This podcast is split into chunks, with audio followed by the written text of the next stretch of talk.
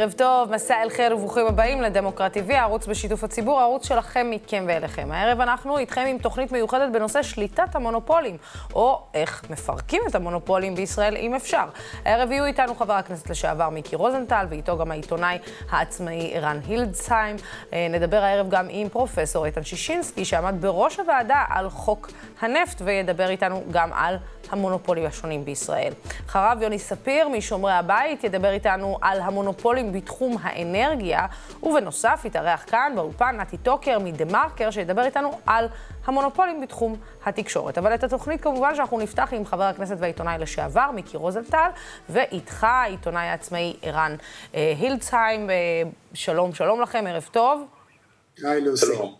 אז אה, באמת, אה, אנחנו רוצים רגע שנייה לדבר על אה, מונופולים בכלכלה, האם המצב השתנה משמעותית מאז המחאה החברתית ב-2011. מיקי, אתה מכיר את זה מקרוב, עשית אין ספור תוכניות ותחקירים על הנושא הזה. במיוחד, בואו ניקח את העניין של למשל מפעלי ים המלח. האם דברים השתנו מאז הימים של התחקירים שלך? חלק מהדברים השתנו. קודם כל אני חושב שיש שינוי תודעתי. זאת אומרת, עצם העובדה שאנחנו מדברים על כך, והעיסוק בזה, וההבנה שיש מונופולים בציבוריות הישראלית ובמשק הישראלי, היא כבר שינוי לעומת מה שהיה. היו גם שיפורי חקיקה מסוימים, לא מספקים כמובן, אחד מהם זה חוק הריכוזיות שחוקק אה, אה, בכנסת העשרים נדמה לי, אה, ומונע אה, שכבות אה, של, של, של ארגוני ענק, אבל התמונה באופן עקרוני לא השתנתה, היינו, המשק הישראלי הוא קטן מאוד, יש פה מונופולים גדולים מאוד ובמספר מצומצם מאוד. הבעיה שבעתיים גדולה כי ישראל היא מדינת קצה, כלומר אין לנו מדינות גובלות שהן אפשר לסחור איתן ובכך לצמצם את כוחם הריכוזי של המונופולים, והתוצאה היא שאנחנו משלמים, הציבור הישראלי משלם, הייתי אומר, רנטה מונופוליסטית באחוזים שונים, בתחום המזון למשל אנחנו משלמים 20 עד 30 אחוז יותר מהמחיר אה, אם היה שוק תחרותי, אה, וכך גם במחירי אה, בדברים אחרים, אבל באופן עקרוני הציבור הישראלי משלם הרבה מאוד אה, מס מונופוליסטי, זה לא מס כמובן, אלא מחיר אה, רנטה מונופוליסטית על העובדה שיש מספר קטן של שחקנים וגדולים מאוד במשק בתחומים שונים. אבל זה בדיוק העניין, אה, ערן, אנחנו שומעים את מה שמיקי אומר. ובסוף, נכון, יש יותר מודעות לנו כציבור, שבעצם אה, אנחנו בערך זזים ונעים, לצורך העניין, בסופר בין שתיים, שלוש, ארבע חברות, אבל השינוי עצמו של להכניס עוד כוחות לתוך הסיפור הזה, הוא מאוד מאוד קשה. א', כשאנחנו מדברים על מונופולים, חשוב להזכיר שאותם תאגידים, מאוד לא רוצים שיכריזו עליהם כמונופולים, זה לא uh, תואר כבוד עבורם, כי יש לזה השלכות משפטיות. אני עשיתי שיעורי בית לפני השיעור, uh, לפני השידור, ומצאתי uh, שיש כיום 63 מונופולים רשומים בישראל. 50 מהם הוכרזו כמונופולים בשנות ה-80 וה-90, רק שלושה בעשור האחרון, ומאז שמיכל אלפרין נכנסה להיות הממונה על רשות התחרות ב-2016, אפילו לא הוכרז מונופול אחד. היא טוענת שאפשר להילחם בהם בדרכים אחרות, למעט דניה סיבוס, אני לא ראיתי שנלחמה נגד אף מונופול או תאגיד חזק, או בטח לא נגד הבנקים ודברים מהסוג הזה. אני, אני רוצה להרחיב על מה שמיקי אמר, הוא דיבר שחברות, אנחנו משלמים 20-30 אחוז יותר על מחירי המזון בגלל המונופולים, אבל אנחנו משלמים גם בחיי אדם. ואפשר אה, לקחת למשל את אירוע הסלמונלה האחרון, כדוגמה, אה, לכאורה התקשורת ומשרד הבריאות נכנסו במונופולים במלוא העוצמה. אם זה אה, אה, מהדורות החדשות שהקדישו לזה עשרות דקות אה, במהדורות שלהם, אם זה ראיונות עם ראשי משרד הבריאות שניסו להבין איך יכול להיות שאנחנו קיבלנו אה, מזון עם סלמונלה. אבל אני רוצה להזכיר לך שבעוד כמה שבועות שטראוס תסיים לנקות את כל המכונות שלה. היא תזמין מרחיק יונים, מרחיק עטלפים שלא לנו גם קורונה, ותתחיל לייצר מזון מזיק, כי עם כל הכבוד לסלמונלה, מה שהורג אותנו באלפים לפי משרד הבריאות, סוכר. זה הסוכר, 6,000, למעלה מ-6,400 איש בשנה, ישראל שנייה למקסיקו בתחלואת הסכרת, ואז כשזה יקרה, חברות החדשות יתחילו לפרסם גם את אותו מזון מזיק, כי הן מקבלות ממנו מאות מיליוני שקלים. עכשיו תשאלי, איפה הרגולטור? איפה אותו הורוביץ שרק לפני כמה שבועות אמר שמשבר הסלמונלה זו הדוגמה למה צריך להטיל רגולציה חזקה על תאגידים? אז פה אנחנו מגלים שיש כבר תקנה, כבר למעלה משנה, שהורוביץ מעכב את החתימה עליה, שאמורה לאסור על תאגידים לפרסם מזונות מזיקים בתקשורת. וכאן נכנס כל העניין הזה של הכסף, מדובר פה אה, 550 מיליון שקל רק ב-2020, אה, שהתאגידים הזרימו לרשתות התקשורת אה, כתוצאה מהפרסום, ואפשר להבין גם למה הורוביץ כל כך חושש. מיקי יוכל להגיד את זה אה, בתור אחד שהיה בשני צדי המתרס, כמה פוליטיקאי תלוי בהישרדותו אה, באותה חברת חדשות כדי לקבל סיקור אה, אוהד, אז הוא בטח שלא נכנס בהם, ופה אנחנו רואים איזה עוצמה יש למונופול, שהוא יכול בדלת אחורית להכניס לנו מזון, מזון מזיק מבלי שהרגולטור יכול בכלל לעשות משהו מולו כי הוא פוחד ממנו. אה, מיקי, אתה מכיר את זה, כמו שהוא אמר, ערן, משני צידי המתרס. עכשיו אני רוצה להחזיר אותך רגע לימים שלך כעיתונאי. כשעשית את התחקירים העיתונאיים האלה על אה, משפחת אה, עופר, על... היו את הלחצים? זאת אומרת, אה, בסוף אה, היו את הלחצים לא לפרסם, היו את הלחצים לא לעשות את זה, ומאיפה? קודם כל הלחצים היו אינסופיים, זה דבר אחד. דבר שני, בסופו של יום שילמתי במשרתי, או בהתקשרות שלי עם ערוץ 2, כי משפחת עופר עכשיו, בזמן שהכנתי את הסרט המדובר, שיטת השקשוקה, על... אה, על אה, אה, הם קנו חלק מרשת בזמנו, ואני, נכון. הפסיקו את הקש- את הקשרים שלי ו- ו- ואת העבודה שלי בטלוויזיה, אז ודאי שמשלמים מחיר. אבל אני אגיד אפילו יותר ממה שנאמר. תראי, זה לא מקרה שלא רק שהערוצים הללו אה, מרוויחים לא מעט כסף אה, מה- מה- מה- מהמונופולים, ולכן באופן טבעי הם, לא, הם מסקרים אותם באופן לא מאוד ביקורתי, אלא שהרבה פעמים הבעלים של הערוצים האלה הם אותם בעלים של המונופולים. זה לא מקרה שמשפחת ורטהיימר מחזיקה את אה, אה. קשת ועופרה, ו- וגם את קוקה קולה ואת כל התאגיד הענק הזה של המשקאות, ואותו דבר אה, אה, אה, משפחת עופר החזיקה החזקות בקשת, ועופרה שטראוס החזיקה החזקות ברשת. עכשיו, ברשת. עכשיו, אנחנו יודעים שעסקי הטלוויזיה הם די אה, בעייתיים, הרבה כסף אין בזה. מה יש בזה? כן, יש בזה השפעה על הרווח של המונופול שלך. אם הביקורת על המונופול שלך תהיה נתונה או מאוד מאוד מאוד לא ביקורתית, אז הסיכוי שהוא יתקיים הוא הרבה יותר גדול, וזה שווה להם את ההשקעות ואפילו את ההפסדים בערוצים. וזאת בעיה אחרת, שמאפשרים למונופולים גדולים או לתאגידים גדולים בכלל להחזיק כלי תקשורת.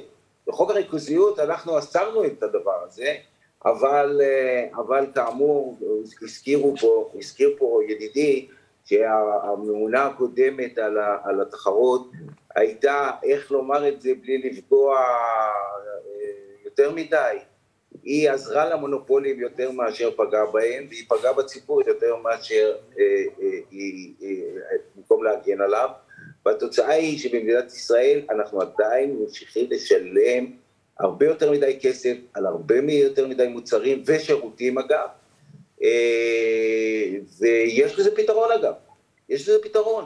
זאת אומרת, אין שום סיבה שקוקה קולה תחזיק גם אה, משקאות קלים נוספים, וגם אה, צ'וקה, בירה, וגם... כי מה הם עושים? הרי אנחנו באים לסופר ואומרים איך עלו המחירים, איך עלו המחירים. איך, איך, למה המחירים לא יורדים? אם קוקה קולה מחזיקה מוצר כמו קוקה קולה, שהוא מוצר, מאוד נדרש, הם באים לסופר, הסופר אומר, תן לי הרבה קוקה קולה, הוא אומר לי, מאה אחוז, אבל תיקח גם את הבירה שלי. הוא אומר לו, לא, הבירה שלה הוא יותר זולה, הוא אומר לו, אוקיי, אז אין לך קוקה קולה. והתוצאה היא שעושקים את הציבור. זו דרך מאוד מאוד לא מתוחכמת אפילו. אנחנו כמעט חסרי אונים, משום שהציבור הישראלי תמיד מפנה מבט או לחקלאים או ליצרנים, ולא לתאגידים הגדולים.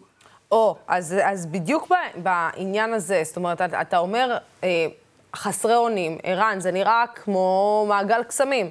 זאת אומרת, ברגע שיש חמש, שש, שבע משפחות שמחזיקות את כל התעשייה הזאת, בין אם זה בתקשורת, בין אם זה בתעשיית האוכל, בין אם זה בתעשיית השתי... בין אם זה בתעשיית עבודה כזאת או, או, או אחרת, אז, אז אתה יודע, מה, מה כבר נשאר לנו לעשות כ, כ, כציבור? להיות מודע ו...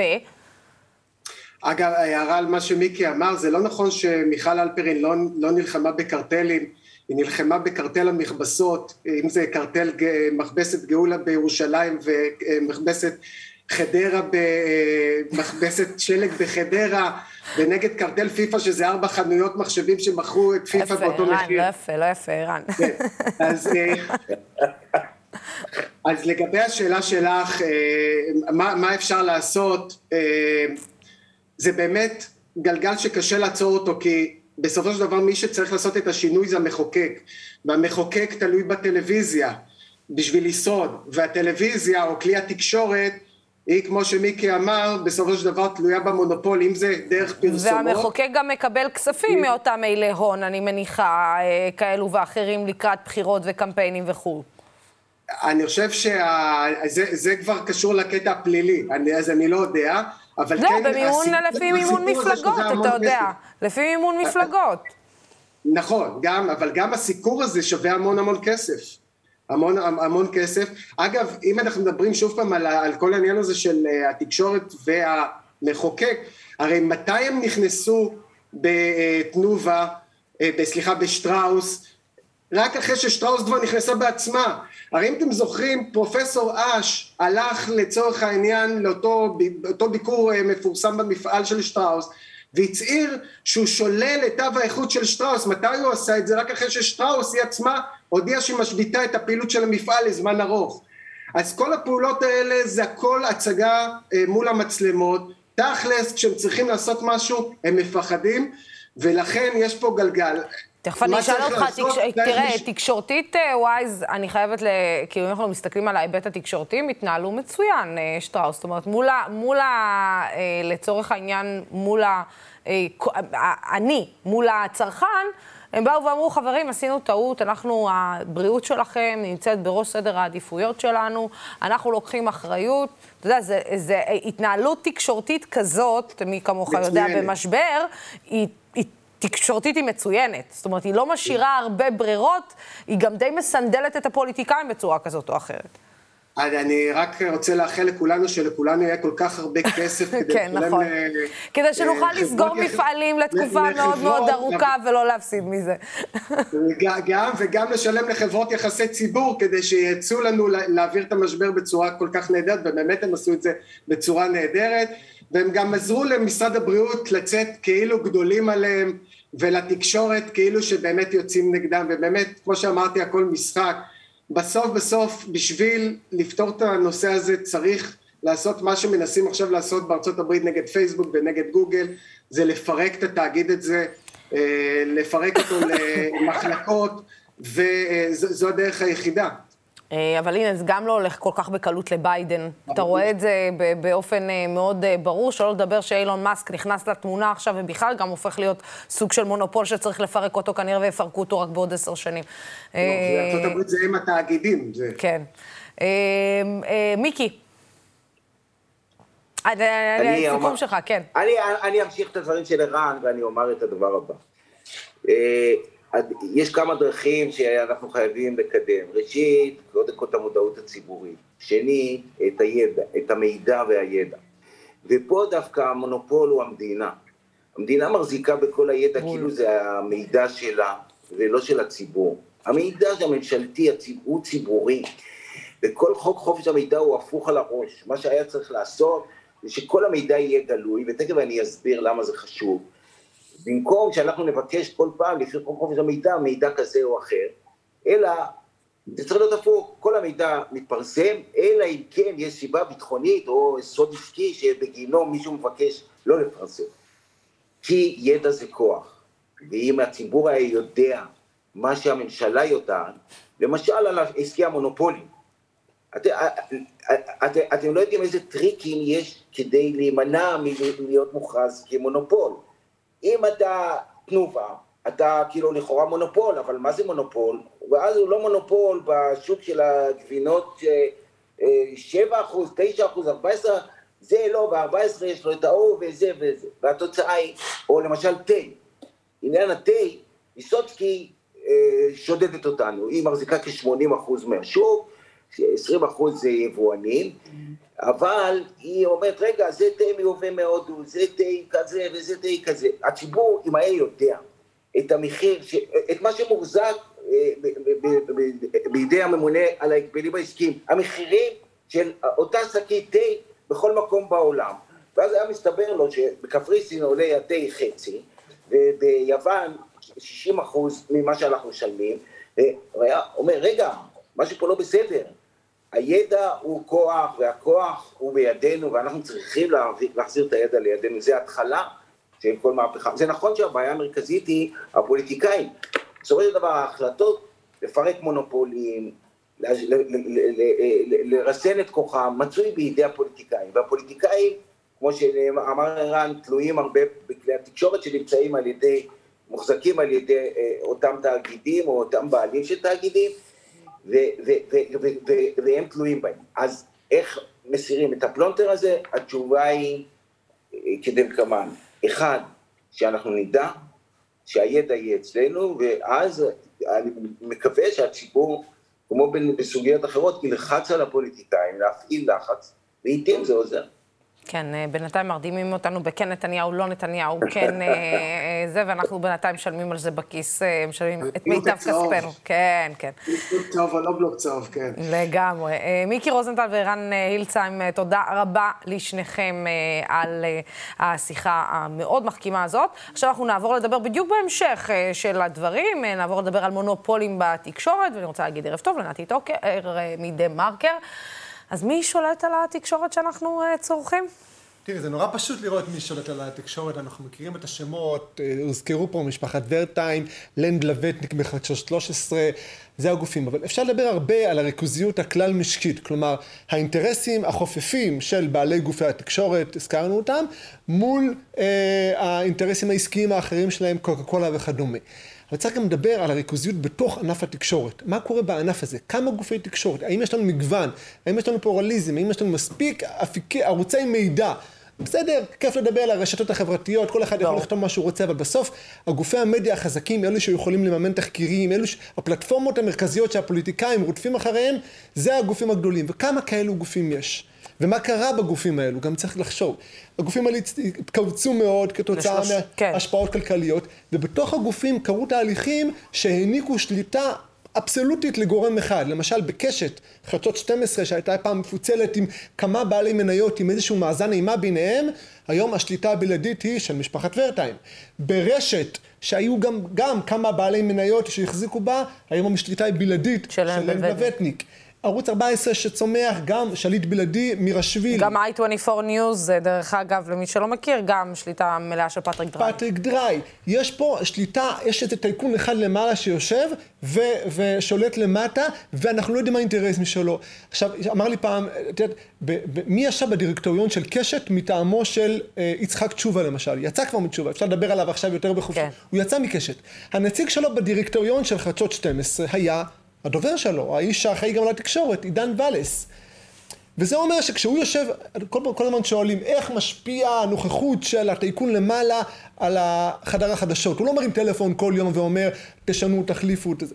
אבל עצם הנוכחות של הנציג שלו בדירקטוריון, נפגשים פעם ברבעון, שלום שלום, אבל הוא יושב שם למעלה, הנגישות הזאת, הנוכחות שלו למעלה, משפיעה גם על התכנים ועל מה שאנחנו מקבלים. אה, אה, גם זה בתכל'ס, בוא נודה על האמת, זה התת מודע שלך גם כעיתונאי שעובד בגוף תקשורת, עובד. זאת אומרת, אתה יודע מי בעל הבית, אתה יודע מה לעשות או לא לעשות, מה להגיד או לא להגיד, ואז על פי זה אתה אומר, אוקיי, במה אני נוגע ולא נוגע. אבל בסוף אתה אומר, כמו שאמרת, שוק התקשורת הוא מאוד קטן. אמ, איך, אנחנו בכלל יכולים לצאת מהפלונטר הזה?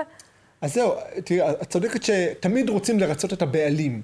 יש את המודל של חומסקי והרמן, שהבעלים זה הגורם ההטייה מספר אחד. תמיד, גם אם אנחנו כאילו יוצאים נגדו ופרסמנו איזה תחקיר ב-2017 נגדו, בסוף אנחנו רוצים לרצות את הבעלים כי הוא מזרים את הכסף כשצריך והוא מעסיק אותי. אז, אז השאלה אם יש פלונטר לצאת מזה. קודם כל צריך להיות נורא אמיצים, אין מה לעשות, צריך לייצר אה, עיתון, גוף עיתונאי אה, מאוחד, מלוכד, וארגון עיתונאים, יש, יש, היה מגמה של התלכדות של העיתונאים בתקופה האחרונה, דווקא ל, ל, למאבקי אה, שכר וכאלו, פחות למאבקי חופש ביטוי, הם לא עשו את העבודה איפה ש... לדעתי לפחות איפה שצריך, אבל כן, כשהעיתונאים מאוגדים ויוצאים באמירה ברורה נגד, זה, זה יכול לעבוד, וכמובן רשתות חברתיות אז... וכל השיח המעגלי ש, שיכול עכשיו לבצע. שנינו מכירים את התקשורת ושנינו מכירים את הברנז'ה, ואנחנו יודעים שהעיתונאים, איך נגדיר את זה? קולגיאליות זה לא בראש אה, מעייניהם. נכון. זאת אומרת, אה, אוקיי, עם כל הכבוד לזה שיש תחקירים על, יכול להיות קוקה קולה, על הסוכר, כמו ששמענו, על העניינים. מה הסיכוי באמת שעכשיו חדשות 12 יפתחו את המהדורה שלהם עם תחקיר על הנזקים של, של, של הסוכר בקולה והסוכר שמוכרים לנו מאותו בן אדם שמשלם להם בעצם את, אה, את השכר, משלם את העבודה, כי יום למחרת, לא יום למחרת, חצי שנה לאחר מכן. פתאום לפתע הורדת שכר, מורידים את התוכנית לחצי. כן, כאילו, כן. אתה יודע, או שפתאום העיתונאי פורש, או שהוא מופרש, או שהם, אתה יודע, עושים רענון אה, במסך, אני לא צריכה להגיד לך, הרי זה ככה זה עובד. אז, אז בעולם מושלם, בסדר, אנחנו לא יכולים למנוע מטייקון להחזיק בגוף תקשורת, אבל אמור להיות איזשהו מאזן אימה. שהוא יודע, שהעיתונאי יודע שבגוף התקשורת המתחרה יפרסמו את התחקיר הזה, הוא גם יפרסם. אבל כשיש כל כך מעט גופי תקשורת וכולם נשלטים על ידי אותה חבורה של בעלי הון, גם אותה חבורה של בעלי הון שמתחככת זו בזו, והדירקטור של זה דירקטור אצל ההוא, והם שותפים יחד בעסקה אחרת, אז, אז זה, זה הרבה יותר קשה. עכשיו, אני רוצה להגיד, אנחנו חיים, ב, ב, לכאורה, אנחנו חיים בעידן מדהים ב, בהקשר הזה. כי אנחנו נמצאים יום-יום, חווים את uh, משפט נתניהו וכתב האישום, ורואים שם אחד לאחד איך הדברים האלו עובדים. זה, זה אחד לאחד, זה כאילו, הטייקון מנסה לרצות את, את, את הפוליטיקאי כדי לקבל הטובה רגולטורית, כי, כי הוא חייב כסף לבנקים. כל המערכת חשופה בעינינו. גם תיק ידיעות אחרונות חושף לחלוטין על השולחן את הדינמיקה הזאת שבה מתנהל המשא ומתן, שמענו את ההקלטות, המשא ומתן מתנהל, הוא אומר לו אני אתן לך את ה... את ה אני אסיט לך את הספינה, הוא אומר לו תעביר לי את החוק, הדברים האלו שקופים, וזה היה אמור לכאורה לעודד כאילו... הרבה יותר מאבק ציבורי, הנה אנחנו התעוררנו, זה קיים, בוא נעשה. בבריטניה כשהתפרסם הסיפור עם רוברט אה, מרדוק, שמה קמה ועדה ציבורית ודנה בנו איך, איך, איך, איך מטפלים בזה, ופה כאילו במקום קודם כל זה נהפך להיות מאבק כן ביבי לא ביבי, זה נכנס למקום הפוליטי, וגם זה נהפך להיות קצת לגיטימי. כאילו, אמרנו, אה, אוקיי, זה קיים, בסדר, זה החיים. כן, זה כאילו, אתה אומר, אוקיי, מי... איפה... תראה, בתור עיתונאית היום, שאני עובדת בעיתונות עצמאית, במקרה לפני יומיים היה לנו מפגש עם, עם, עם הבוסים. אה, בוסים זה, זה הצופים שלנו. אה, ו, ו, ונשאלתי גם שם, זאת אומרת, אה, האם באמת יש, למה אני קוראת להם בעצם בוסים, ולמה בעצם אנחנו עד כאן קיימים עד עכשיו.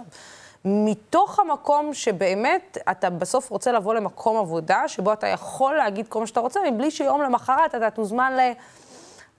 למרות שאני חייבת להגיד שאף פעם לא הוזמנתי לשיחת נו נו נו, אה, אבל, אה, אבל עדיין מתוך המקום הזה, שאתה לא רוצה רגע שנייה להתהלך על ביצים בכל מה שאתה אומר. אה, וזה מדהים כי יש יותר ויותר אה, חלקים בציבור שמבינים את זה, שתורמים כסף ומפעילים אה, בעצמם, כמו שתורמים ל, ומחזיקים אה, עיתונות עצמאית, או שמנויים יותר לגופי תקשורת שהם סומכים עליהם. יש הבנה, זה מחלחל לציבור, העיקרון הזה שהתקשורת נשלטת על ידי בעלי הון, וכדי להילחם בזה צריך לחזק את החלקים הטובים. הם גם יודעים להיות, יש, התקשורת היום זה דו-כיוונית, אז הם ברשתות החברתיות, את רואה מחאה אמיתית כשהם רואים משהו שלא מצא חן בעיניהם. אבל בסוף, הכוח האדיר שיש לבעלי ההון, היכולת שלהם להרים משדרי חדשות ואולפני טלוויזיה, ולשלב את זה עם, את יודעת, כשיש חתונמי בתשע וכולם רואים בתשע, אז, אז מה שבשמונה זה הבמה המרכזית, כולם באים בשמונה. הכוח שלהם הוא הרבה יותר חזק, וזה מאבק מתמיד שלא יסתיים לעולם. בוא נגיד לך, גם אה, כאילו מי שנגיד, אה, אה, אלו שהיו באופוזיציה עד לפני רגע, ועכשיו הם בקואליציה, היו אורחי קבע כאן. באולפן הזה לפני שנה, וברגע שהם הפכו להיות בקואליציה, אז הם כבר לא אורחי קבע, זאת אומרת, הרבה יותר קשה להשיג אותם, כבר הפלטפורמה היא פחות אה, נוצצת, אה, הם לא רוצים אה, לטעות אה, בצורה כזאת או אחרת, אז הם יודעים שיש פה פחות צופים, אז, אז, אז אנחנו לא נגיע, או שנגיע כשאנחנו נצטרך את זה לקראת אה, אה, אזור מסוים. אז גם מבחינה עיתונאית אני יכולה להגיד לך שזה יכול לתסכל, כי אתה אומר מצד אחד, אה, אתה יודע שאתה יכול לעשות פה אחלה עבודה, אה, ועבודה עיתונאית מצוינת, אבל מצד שני אין לה את ההד. שיכול להיות לאותו גוף תקשורת מטורף, שיכול לפמפם עכשיו כותרת שהייתה אצלך לפני יומיים פה באולפן הזה. ומה שאת אומרת זה בעצם, יש סוג של הזנה הדדית בין הפוליטיקאים לבין הפלטפורמות המרכזיות. הם נותנים להם סיקור חיובי, לא, לא, לא, לא בשוחד או משהו, פשוט כי הפוליטיקאי מגיע להתארח, או מביא סיפור טוב, או מדליף איזה מסמך מסווג, אז ההאזנה ההזדית הזאת בין הפוליטיקאים לבין העיתונות המובילה, המיינסטרים, היא משמרת את המעגל הזה, כי הם תמיד מזינים זה את זה, הפוליטיקאים את התקשורת הממוסדת מזינים זה את זה, וקשה לפרוץ את המעגל הזה. והיחסים האלו בין פוליטיקאים לבין אה, התקשורת המרכזית גם גורמת, זה אחד מההטיות באמת, כי יש נטייה ככה לשפר, לצ'פר את המקורות שלך. וסוג של פוליטיקאי הוא מקור שלך. ואני שואלת את עצמי, כאילו, כבר כמה, כמה אפשרויות יש לך בתור עיתונאי היום, ברגע שאתה לא עובד בחדשות 12, אז ללכת לחדשות 13, וברגע שאתה לא עובד בחדשות 13, אז אולי ללכת לכאן, וברגע ש... כאילו, זה השלוש הפלטפורמות היחידות, אם אתה מחשיב גם את 14, אבל 14 מקבל טייפקאסט מסוים של אנשים. אין לך הרבה ברירות בתור עיתונאי אה, היום לעבוד, אה, וגם מבחינת גופי תקשורת, אתה יודע, יש את ידיעות אחרונות, יש את מעריב, שאיכשהו חזר לתחייה. הטאלנט המרכזי של חדשות 12 כותב טור מרכזי בידיעות אחרונות. הטאלנט המרכזי עד, עד, עד לאחרונה של חדשות 13, גם הוא כותב בידיעות אחרונות. אז המיקס הזה יוצ... מייצר שילוב, ש... שילוב של כזה אה, אה, שסעים חופפים ו... ו... ובעלויות צולבות וכל הבלאגן הזה ביחד מייצר איזה, את יודעת, חבורה אחת ששומרת על האינטרסים אחת של השנייה ודואגת אחת לשנייה ולכן אם מדובר, דיברנו על, על, על, על תיק 2000 וידיעות אחרונות, לא ראינו איזה ככה דרשו את ראשו של נתניהו כשהוא, כשהתחילו החשדות נגדו ואמרו להדיח אותו. בידיעות אחרונות, אה, המו"ל שלהם נאשם, נאשם כרגע באותן האשמות יותר חמורות כרגע, ואף אחד לא דורש את ראשו להדיח אותו מתפקיד העורך האחראי, או למשל אה, אה, תביעות מטעם העיתונאים שהיו, דברים שלא נעשו. באמת, אני, אני שואלת, האם זה אפשרי בכלל להדיח למשל את המו"ל מתפקידו כעורך ראשי? בסוף, את העיתון מייצרים עיתונאים, וכשעיתונאים נחושים ורוצים לעמוד על שלהם, אז הם עושים את זה. הם עושים את זה כשחשוב להם על תנאי השכר שלהם, הם עשו את זה נהדר, בקבוצת ידיעות אחרונות השיגו שלושה חודשים נוספים, והתראה מראש, ופה ושם, והפחתה של הפיטורים. כשעיתונאים מראים שזה מה שחשוב להם, זה מה שנעשה. וכשזה לא חשוב להם, אז, זה קצת אה, פחות נעשה. כן, בסוף אבל, אני, אז זה, זה הביצה והתרנגולת, כי אני אומרת, אתה תעשה את זה, ואז בעצם מקום עבודה, אני לא צריכה להגיד לך כמה נקמנים במקומות עבודה אחרים, ואז אומרים, רגע, למה אני צריך את העובד הזה שהוא בעייתי וממריד לי את כל העובדים, ובשביל מה זה זה? בשביל מה זה טוב, לא רוצה אותו, ואז פשוט עיתונאים מוצאים את עצמם ב... בחוץ. אז, אז יש רבים ללוב. וטובים ששילמו על זה מחירים כבדים, אנחנו מכירים את הש... גם מיקי רוזנטל עצמו, כן. שעשה את הסרט על משפחת אנג'ל ושילם על זה. באמת, יש בודדים שבאמת היו חלוצים ועשו את המאבק הזה. היום אנחנו חיים בעידן אחר קצת, בעידן של שקיפות. בעידן שבתי הדין לעבודה מודעים להתעמרויות בעבודה והם יודעים בדיוק מה קורה שם, אז לא נראה לי שאדם שיפוטר בגלל שהוא אה, אה, ד, יצא בתביעה כזאת או אחרת נגד המו"ל, אה, אה, אה, בוא נגיד, אה, הסכנה פחתה. יש להם הרבה יותר כוח לעיתונאים, הם הרבה יותר מובילים. הסיפור של ליאור שליין, להזכיר לך, היה סיפור, אה, היה סיפור אה, אחר, זאת אומרת, התוכנית ירדה, נסגרה עסקה, ואחד התנאים היה אל תופיע בטלוויזיה יותר. אה, נכון, אני לא מכיר בדיוק את החוזה, אני יודע שהוא יצא גם עם הרבה מאוד כסף, אז גם היה לו אינטרס לצאת בשקט. אה, יש, יש, יש מקרים כאלה ויש מקרים, המקרה הנגדי הוא רביב דרוקר למשל, שכולם דיברו על זה שחדשות 13 באיזשהו שלב אה, פתאום כן סגרו איתו חוזה יפה מאוד לטווח רחוק, כי ידעו שצריך לשמר אותו. יש מקרים, יש איים של עיתונות מאוד מאוד בועטת ואפקטיבית בתקשורת הממוסדת, אבל כשמסתכלים על המכלול מלמעלה, המצב הוא מאוד מאוד uh, uh, מאיים, בעיקר לנוכח העובדות שנגלו לעינינו בתיקי אלפים, שראינו איך זה עובד, אז וואלה, תעשו משהו, לא, לא מספיק. כן, והשאלה איך אנחנו בתור אה, בכלל אה, צופים אה, יוצאים מהלופ הזה, כי אנחנו מוצאים את עצמנו בשלט בין 11 ל-12. מזפזפים על אותו דבר. על אותו דבר, על אותו דבר, ונסגרים בתוך המעגל הזה ומספקים לו אה, לגדול אה, עוד יותר ויותר. נתי טוקר, תודה רבה לך. תודה רבה. כן, ועכשיו אה, יש לי את הכבוד להגיד ערב טוב לפרופסור איתן שישינסקי, פרופסור אמריטוס לכלכלה מהאוניברסיטה העברית, לשעבר יושב ראש הוועדה לחוק הנפט בין היתר, וגם ליוני ספיר כאן משומרי הבית, כדי לדבר איתנו על מונופולים בתחום האנרגיה. שלום גם לך, יוני. אה, פרופסור איתן שישינסקי, קודם כל תודה רבה לך שאתה מצטרף אלינו, כבוד גדול לנו. אה, שמחה לי. אז, אז באמת, אה, אה, פרופסור שישינסקי, אני, אני, אני רוצה רגע שנייה להתחיל ב, בהבטחות לציבור, אה, שבעצם אנחנו אלו שהולכים להרוויח מהסיפור של, ה, של הגז, ואנחנו אלו שהולכים להרוויח מהסיפור של הנפט, ובסוף איכשהו... איך נגיד, עוד פעם המונופולים הם אלה שמרוויחים, ואנחנו לא ממש אה, רואים שום דבר, וקרן העושר לא ממש מתעשרת, ו... וישראל לא ממש מדינה עשירה, או שהיא עשירה בחלקים מסוימים לאנשים מסוימים. איך הגענו למקום הזה? טוב, בואי נעשה סדר קצת, באמת. אה, התגליות הן כמובן, אה, הן עושר לישראל כולה, משאבי הטבע. אה, יש לנו בערך טריליון אה, מטר מעוקב של אה, גז בערך, אולי קצת פחות, וזה, אנחנו אולי לא מעצמה גדולה, אבל בהחלט מעצמה, מדינה שיכולה גם, גם לצריכה העצמית שלה וגם לייצא גז, וזה עושר לכולם. עכשיו השאלה היא ההתחלקות, מה, מה, מה, מה היה? מה שקרה בזמנו, כאשר היו התגליות בתחילת שנות האלפיים של המאה שעברה, שקיבלו אנשים זכיונות, זאת אומרת בלעדיות גם לחיפוש ואחר כך גם להפקה, אם יש תגלית, והם לא שילמו שום דבר עבור, ה, אה, עבור הזיכיון, אה, סכומים קטנים. והוועדות שלנו הוקמו, הוועדה הראשונה לגבי הגז והנפט, ואחר כך הייתה ועדה לגבי מפעלי ים המלח, זה האשלג והמנגן, בעיקר האשלג. אה, והמדינה לא קיבלה את שלה, וכאשר היה גילוי של אה, שדה תמר קודם של 500 BCM ומיליארד קיוביק מטר, ואחר כך של לוויתן כפול מזה, אה, המדינה התעוררה כרגיל במאוחר, ואמרה אנחנו מקבלים את חלקנו או לא, ו, ועל זה הוקמה הוועדה בעצם. האם המדינה מקבלת את חלקה הנאות במשאבים שהם ברור שהם ב, ב, של הריבון, של המדינה, של העם, של, המד... של הממשלה כמייצגת את העם.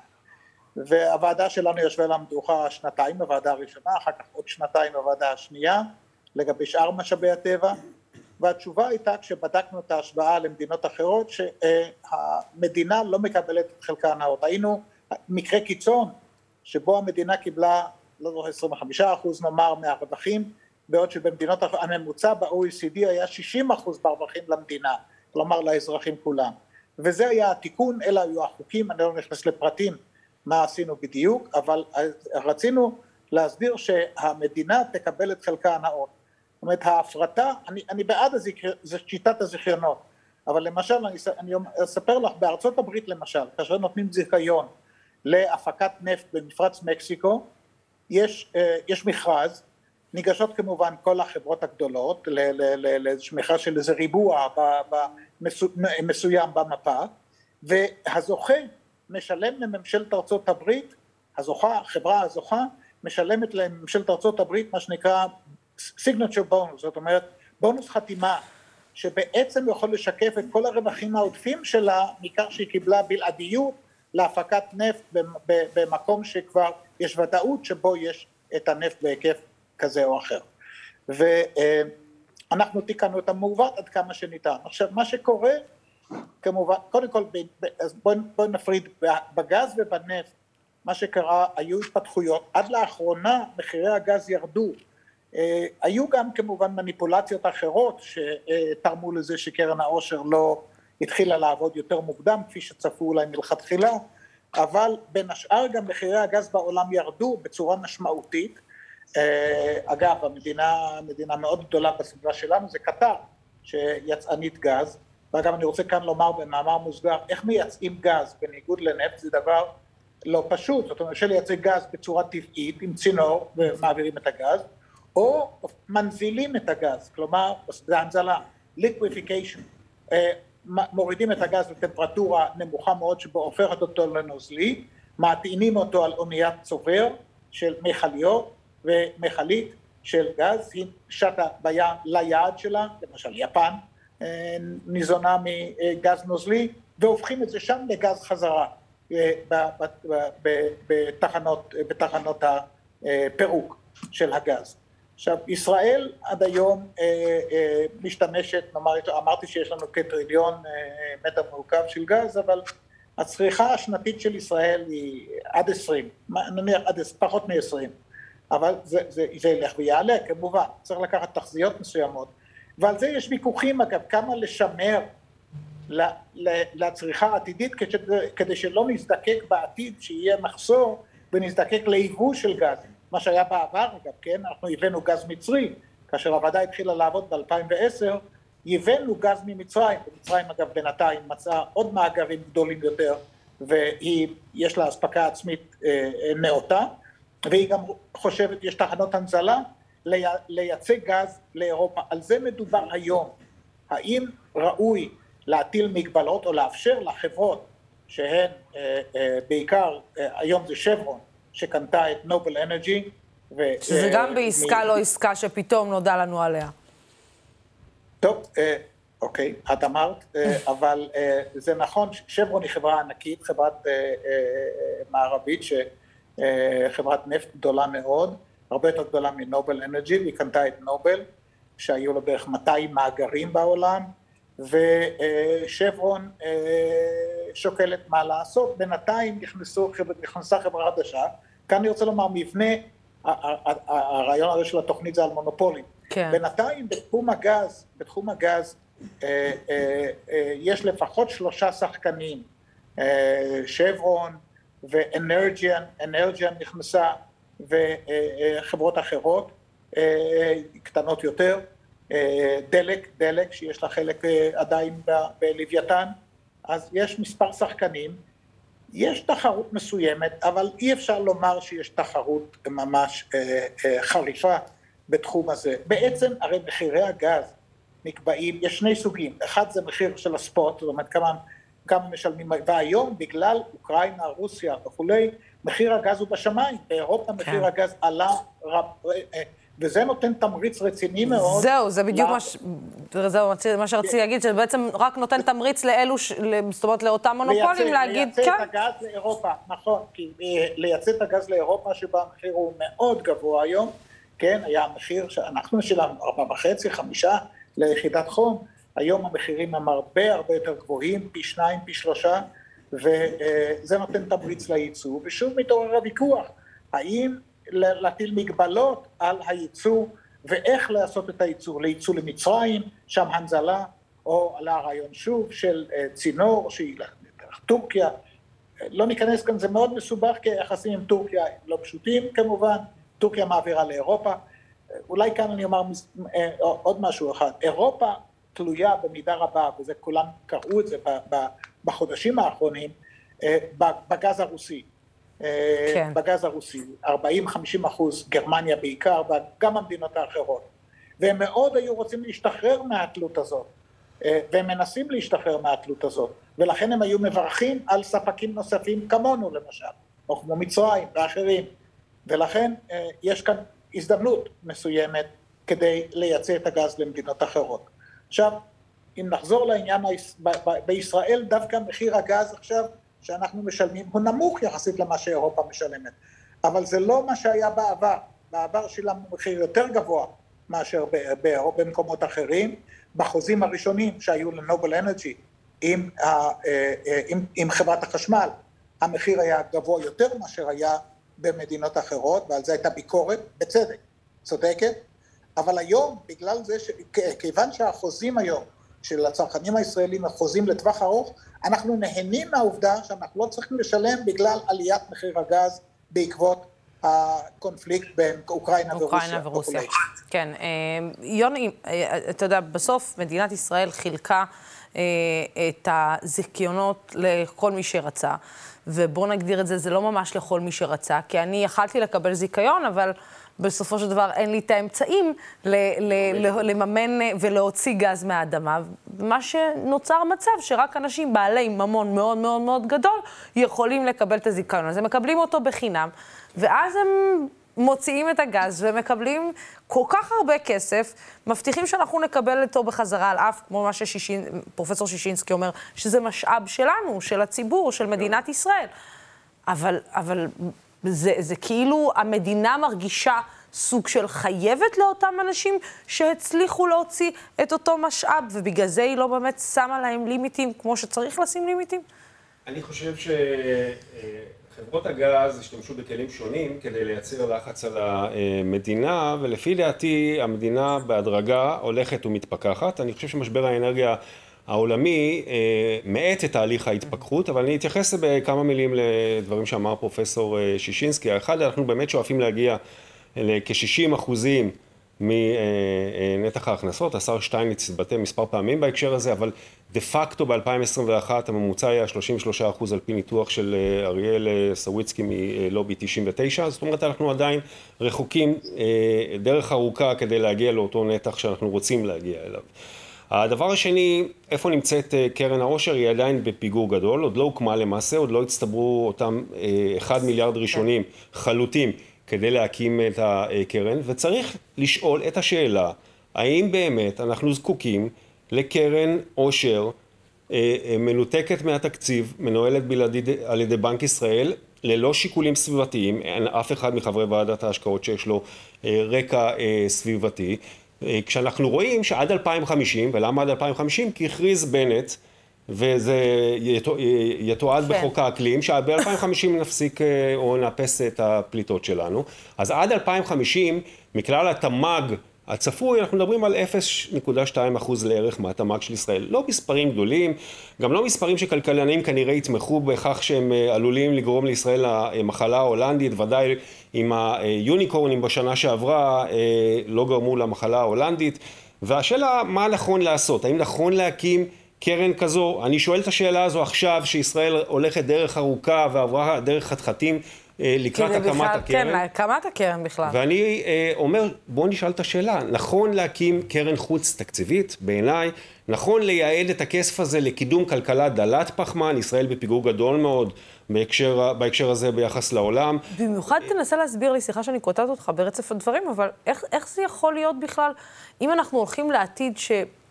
העניין של הגז הולך והופך להיות לא רלוונטי, איך אנחנו הולכים יותר ויותר משקיעים בעניין הגז, והופכים אותו ליותר רלוונטי, על אף שבעתיד אנחנו ככל הנראה הולכים יותר לכיוון חשמל. מה שיגרום לנו...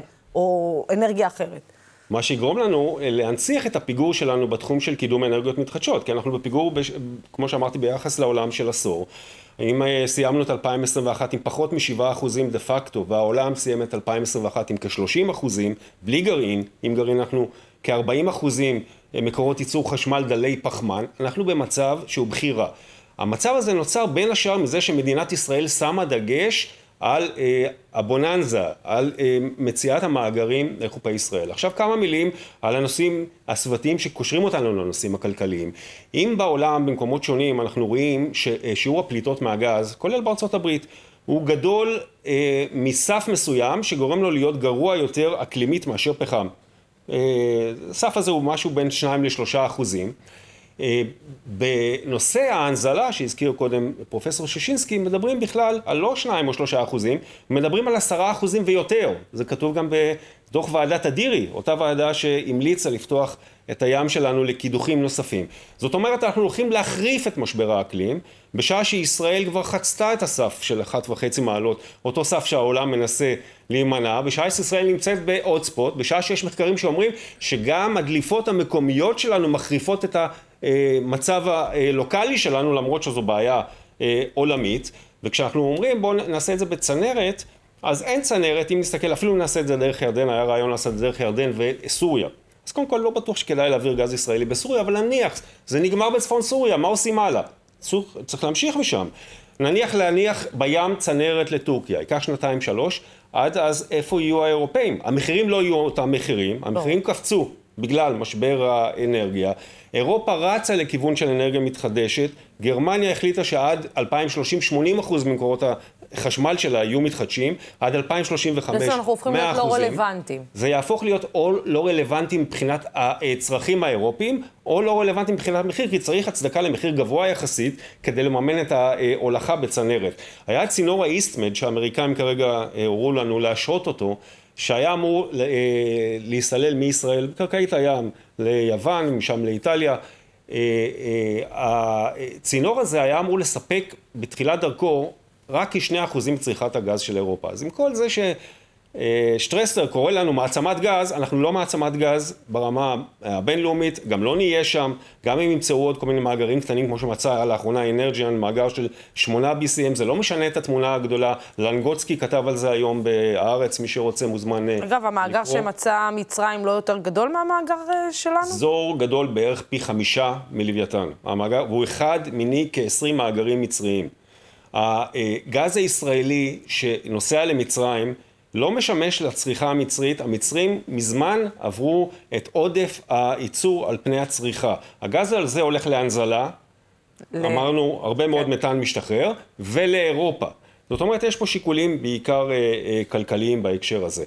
ישראל לא תוכל מבחינת היקפי הגז שלה לתת מענה למחסור של 40 אה, או יותר אחוזים גז מקבלת, אה, שאירופה מקבלת אה, מרוסיה. אנחנו לא שחקנים בקנה מידה בינלאומי.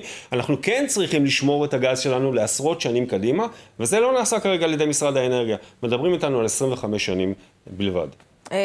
פרופסור שישינסקי, אתה שומע את הדברים האלה, והשאלה שאני, שנשאלת היא, אולי... אתה יודע, זו שאלת תם, אני קטונתי מלהבין אה, יותר מדי בדברים האלה, אבל, אה, אבל אה, למה לא בעצם לרתום את אותם מונופולים, את אותם בעלי זיכיון, ולהגיד להם, אוקיי, אנחנו מבינים שיש בעיות סביבתיות, אנחנו מבינים שאנחנו בעצם סוג של רודפים אחרי הזנב של עצמנו, למה שלא המדינה תרתום אותם לכל נושא האקלים והרצון בעצם לעבור לאנרגיות מתחדשות? סתירה, נעזוב רגע את המילה שוב מונופולים, אמרתי בשוק הגז למשל, עכשיו יש שלושה שחקנים, זה כבר לא מונופול, אבל יש תחרות מסוימת והמחיר שאנחנו משלמים הוא אה, סביר בהשוואה למחירים העולמיים, אבל מה שנאמר כאן הוא נכון, זאת אומרת, אה, ויש כאן אה, אפשרות, אה, קרן העושר הוקמה כדי להימנע ממה שקרוי המחלה ההולנדית, כלומר היה כאן בשנות ה-60 של המאה שעברה, כאשר התגלו המאגרים הגדולים בים הצפוני, אה, בעיקר נורבגיה ואנגליה אה, והולנד, אה, היה יבוא של דולרים בייצוא של הנפט מהים הצפוני, וזה עשה איסוף של המטבע ופגע בייצוא שלהם. זה נקרא המחלה ההולנדית. ובין השאר, זה היה, אחד הרעיונות של קרן העושר היה לא להשתמש בזה לתקציב השוטף, אלא למטרות ארוכות טווח ולהימנע להשקעות גם בחו"ל, שהקרן תשקיע בחו"ל, כדי תזרים את הדולרים הרבה אחרי שהמאגרים ייגמרו. מתי הם ייגמרו? כמובן זה תלוי בהיקף ההקפה, אה, בהיקף ההקפה, ההפקה, סליחה, כן. בהיקף ההפקה שתהיה. עכשיו, אה, יכול להיות, בגלל השינויים השונים גם במחירי הגז וגם הבעיה האקלימית שהזכירו, ואני בהחלט אה, מסכים עם מה שנאמר כאן, ברור לי שזאת היום הבעיה מספר אחד של האנושות, כן? הבעיה של פליטת הפחמן, דו תחמוצת הפחמן. יכול להיות שיש רעיון להועיד את, את קרן העושר למטרות אקלימיות מסוים. למשל, ישראל שוקלת להטיל מס פחמן, דוגמה, וזה ייצור איזושהי בעיה לענפים שהם עתירי אנרגיה, וגם למשפחות שהן צורכות, זה המשפחות בעיקר בהכנסות הנמוכות, שהן עתירות, צורכות אולי להקדיש את קרן העושר למטרות שיהיו צמודות לענייני אה, המטרות של האקלים של אפס פליטות ב-2050, אני חושב שיש בהחלט מקום לשקול את זה, בהחלט. אני מסכים למה שנאמר קודם לכן. זה, זה סקופ. אני מאוד שמח על הדברים האלה. אני אומר את זה לך כמוסי רז, אה, כתבנו לו את זה, נתנו לו הצעת חוק. ותודה על ההסתייעות באמירה שלך, אני ממשיך, אמשיך לומר לו את זה, אני מקווה שהוא יתרצה. קיבלת חותמת כשרות מפרופסור שישינסקי, אני חושבת שיותר מזה לא יכלת לבקש, אה, יוני. יוני ספיר, אה, תודה רבה. פרופסור שישינסקי, תודה רבה לך שדיברת איתנו. תודה רבה על הדברים. אה, מיד אחרינו אמילי אמרוסי תערוך כאן תוכנית מיוחדת בנושא המגזר החרדי ושוק התעסוקה, ואני רוצה להגיד לכם תודה רבה לצופים ולשותפים של דמוקרט TV. התוכנית הזאת אפשרית רק בזכותכם ובזכותכם. בימים כאלו הולכת ומתחדדת החשיבות של ערוץ תקשורת שלא מפחד להביע עמדה נחרצת בעד הדמוקרטיה ובעד שלטון החוק, בעד המאבק בשחיתות ובעד מגוון של דעות ובעד תוכניות שעוסקות במונופולים. נתראה מחר.